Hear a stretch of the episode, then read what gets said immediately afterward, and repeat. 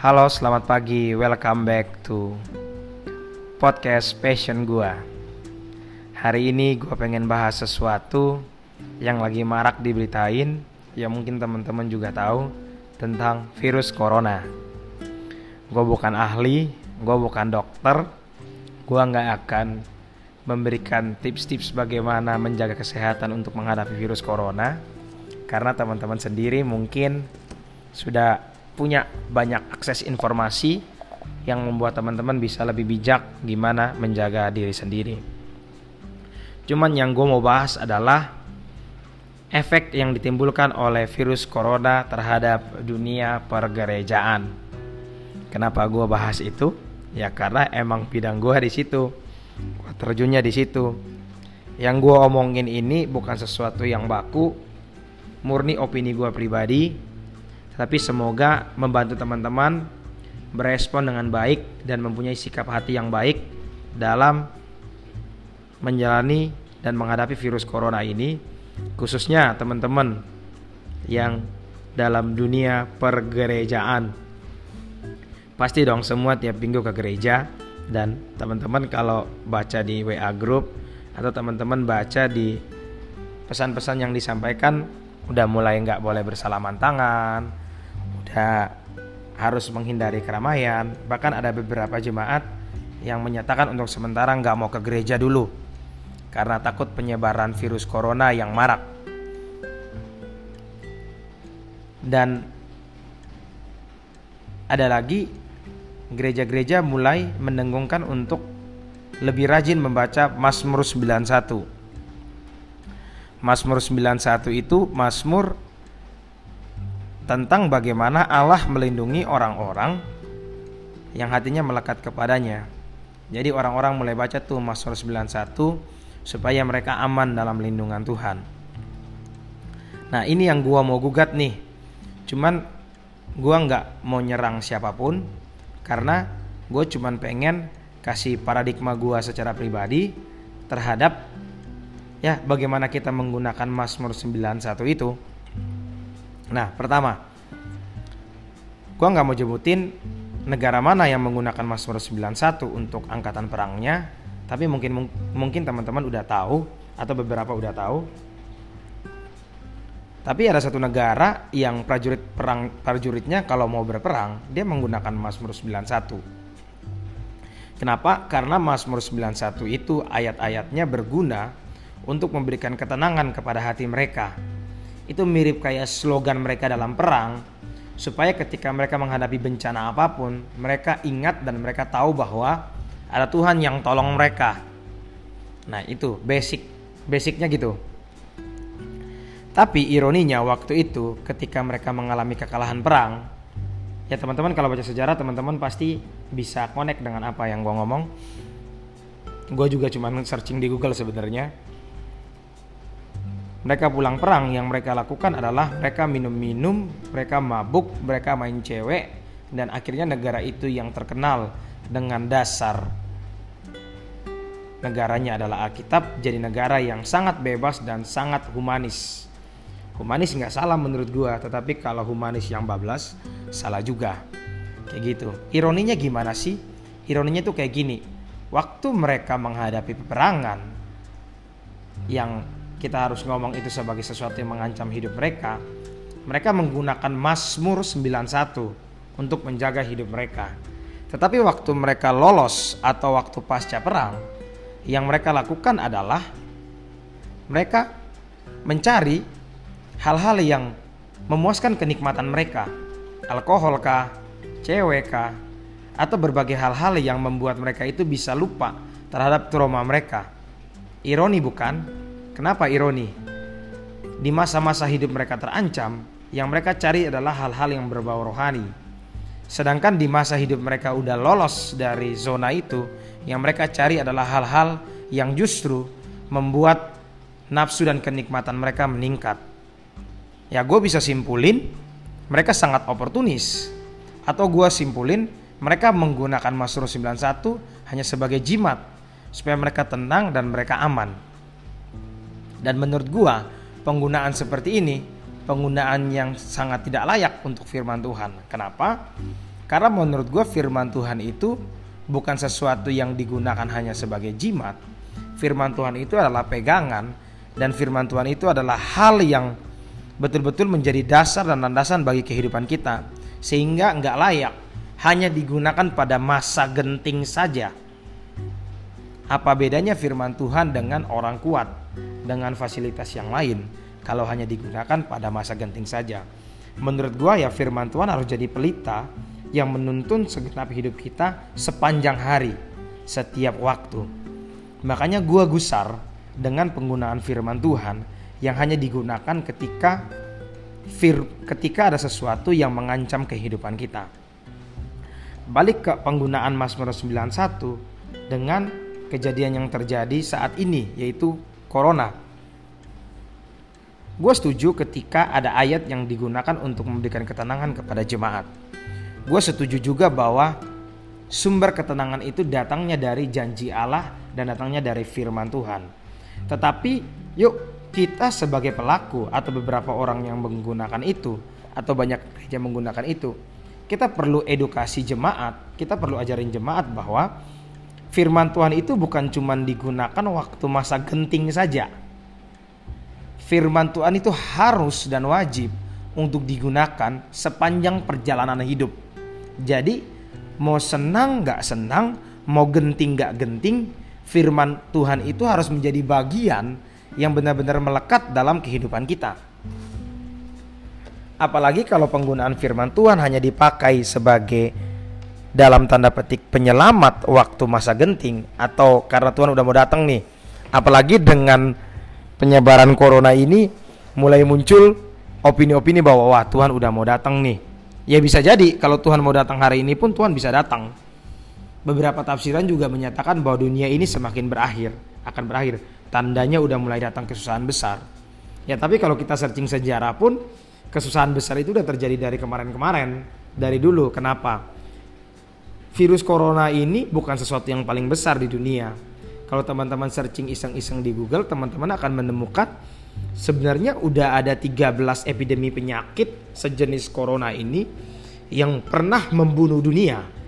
Contoh aja Ebola itu pernah makan korban kalau nggak salah ya sampai 40 juta. Dan flu-flu yang lain itu, virus-virus yang lain itu banyak sekali tingkat kematiannya. Cuman memang sekarang mungkin heboh dan betul-betul membuat kepanikan karena kita punya akses informasi yang sangat banjir sangat luas yang membuat kita itu udah nggak bisa sensor lagi. Kita harus menggunakan kewarasan kita untuk memilih berita-berita mana yang masuk dalam kepala kita dan berita-berita mana yang kita benar-benar harus singkirkan. Kayak gitu. Nah, ketakutan ini membuat orang-orang mulai, wah, kayaknya gue harus tobat nih. Kayaknya gue harus balik ke Tuhan nih. Kayaknya gue harus perbanyak baca Alkitab nih. Karena Tuhan udah mau datang Gimana kalau gua mati akibat corona? Nah, opini-opini kayak gitu yang muncul. Seperti yang gue bilang sejak awal, jadi imannya atau pertobatannya atau insyafnya udah bukan didasari dengan satu kesadaran yang waras lagi, tapi udah didasari hanya karena ketakutan yang dibentuk oleh media, yang dibentuk oleh publik. Jadi udah nggak pure lagi. Padahal kalau teman-teman hmm, selidiki lebih dalam sedikit aja tentang Mazmur 91 sebenarnya kita akan dapat satu pembelajaran yang lumayan oke okay menurut gua ya. Gini gini gini gini. Yuk kita bahas. Mazmur 91 itu tuh ditulis oleh Musa nah Musa tulis tentang bagaimana orang yang melekatnya melekat hatinya kepada Allah akan mendapat perlindungan nah Teman-teman perlu tahu Musa itu siapa? Musa itu adalah orang yang dipanggil oleh Allah, diutus untuk membebaskan bangsa Israel dari Mesir. Jadi dia lolos dari jerat Firaun. Kemudian dia menuntun bangsa yang tegar tengkuk. Nah, dalam perjalanan mereka, mereka juga diserang oleh bangsa-bangsa lain. Pola Israel tuh simpel kayak gini. Kalau mereka lagi seneng, mereka mau pengen jadi kayak bangsa-bangsa lain punya dewa-dewa lain, pengen makmur, pengen subur seperti bangsa lain. Tapi kalau mereka udah susah, mereka udah terhimpit, mereka udah diancam ingin diserang oleh negara lain, mereka lari kepada Tuhan. Sampai satu titik di Mazmur, sorry, di ulangan no kayaknya di keluaran 33 deh. Sorry gue salah, gue nggak lihat soalnya. Tapi gue pernah pelajari di keluaran 33 kalau nggak salah, di ayat 15 dan ayat 16. Itu ceritanya tuh Tuhan nggak mau tuntun bangsa Israel lagi. Kenapa? Karena bangsa Israel itu tegar tengkuk. Karena bangsa Israel itu dalam tanda petik sangat oportunis.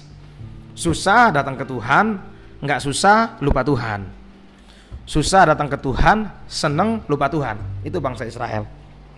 Waktu itu, gua nggak tahu sekarang karena gua nggak meneliti bangsa Israel sekarang. Sampai Tuhan bilang kayak gini, simpelnya Tuhan bilang kayak begini, udah deh Musa, gua nggak mau tuntun bangsa Israel, karena bangsa Israel ini bangsa yang tegar tengkuk. Mereka kan akan diserang oleh beberapa bangsa nih. Udah, gua kasih malaikat aja yang berjalan di tengah-tengah mereka untuk tuntun mereka. Tapi yang luar biasanya itu respon Musa beda loh. Kalau Musa cuman pengen dapat aman, dapat lindungan aman, dia bisa bilang, oke okay, Tuhan gue terima.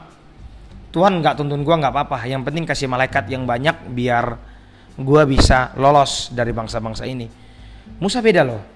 Musa bilang kayak begini, Tuhan, gimana kita tahu bahwa kasih karunia Tuhan benar-benar ada dalam hidup kita? Kalau Tuhan, kalau bukan Tuhan sendiri yang nuntun hidup kita, Sampai kalau teman-teman tahu lagu rohani yang kayak gini, bila engkau tak besertaku, ku tak mau berjalan. Itu sebenarnya lagu itu terinspirasi, asumsi gua ya, terinspirasi dari ayat yang Musa sampaikan bahwa Musa nggak akan mau jalan kalau bukan Tuhan sendiri yang ada di tengah-tengah bangsa itu dan menuntun bangsa itu melalui perjalanan-perjalanan yang sulit dalam kehidupan bangsa itu. Musa nggak mau jalan. Artinya Musa menempatkan Tuhan bukan sekedar hanya untuk buat mereka aman, tapi Musa tahu bahwa kasih karunia anugerah Allah hanya akan benar-benar ada dan nyata ketika Allah itu bersama-sama dengan mereka. Nah, iman Musa beda jadinya. Kita bisa simpulin itu iman Musa bukan iman yang mengharapkan Allah, hanya ketika masa kesusahan aja. Tetapi iman yang Musa contohkan kepada kita adalah iman yang mengharapkan Allah tetap ada dalam kehidupan dia susah maupun senang. Nah, jadi sah-sah aja kita menggunakan Mazmur 91, tetapi kita harus ingat Mazmur 91 digunakan bukan hanya dalam masa kesesakan saja. Mazmur 91 harusnya menjadi pengingat bagi kita semua bahwa dalam kehidupan kita susah ataupun senang kita harus ingat bahwa perlindungan dan kehadiran Allah menjadi hal yang paling kita butuhkan dalam kehidupan kita. Karena apa bedanya kita dengan bangsa yang tegar tengkuk kalau kita hanya menggunakan Mazmur 91 pada masa susah saja?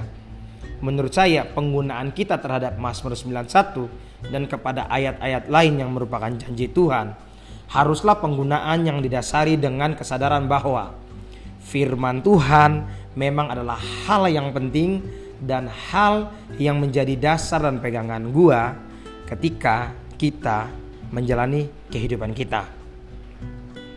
Kayaknya gua bacotnya udah kepanjangan. Intinya yang gua mau sampaikan adalah ketika terjadi epidemi penyakit begini kita nggak usah panik tetapi mari kita mengambil keteduhan di hadapan Tuhan.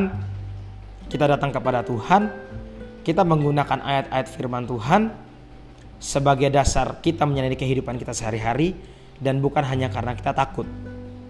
Mari kita bangun keimanan kita kita bangun ketekunan kita bukan atas dasar ketakutan hanya karena virus atau karena Tuhan datang, tetapi kita sadar bahwa itu adalah tugas dan panggilan kita sebagai orang percaya untuk membangun itu. Itu yang gue bisa bagi ke teman-teman. Semoga podcast passion gue dapat membantu teman-teman dan kembali merenung tentang bagaimana sikap kita terhadap corona dan bagaimana di gereja. Jangan takut teman-teman. Kalau teman-teman berjalan sungguh-sungguh bersama Tuhan, sakit, kelaparan, ketelanjangan, maut sekalipun gak akan membuat teman-teman gentar. Karena teman-teman tahu di ujung kehidupan siapa yang akan menjemput teman-teman. See you guys, selamat aktivitas. Kita sampai jumpa kepada podcast berikutnya. God bless you.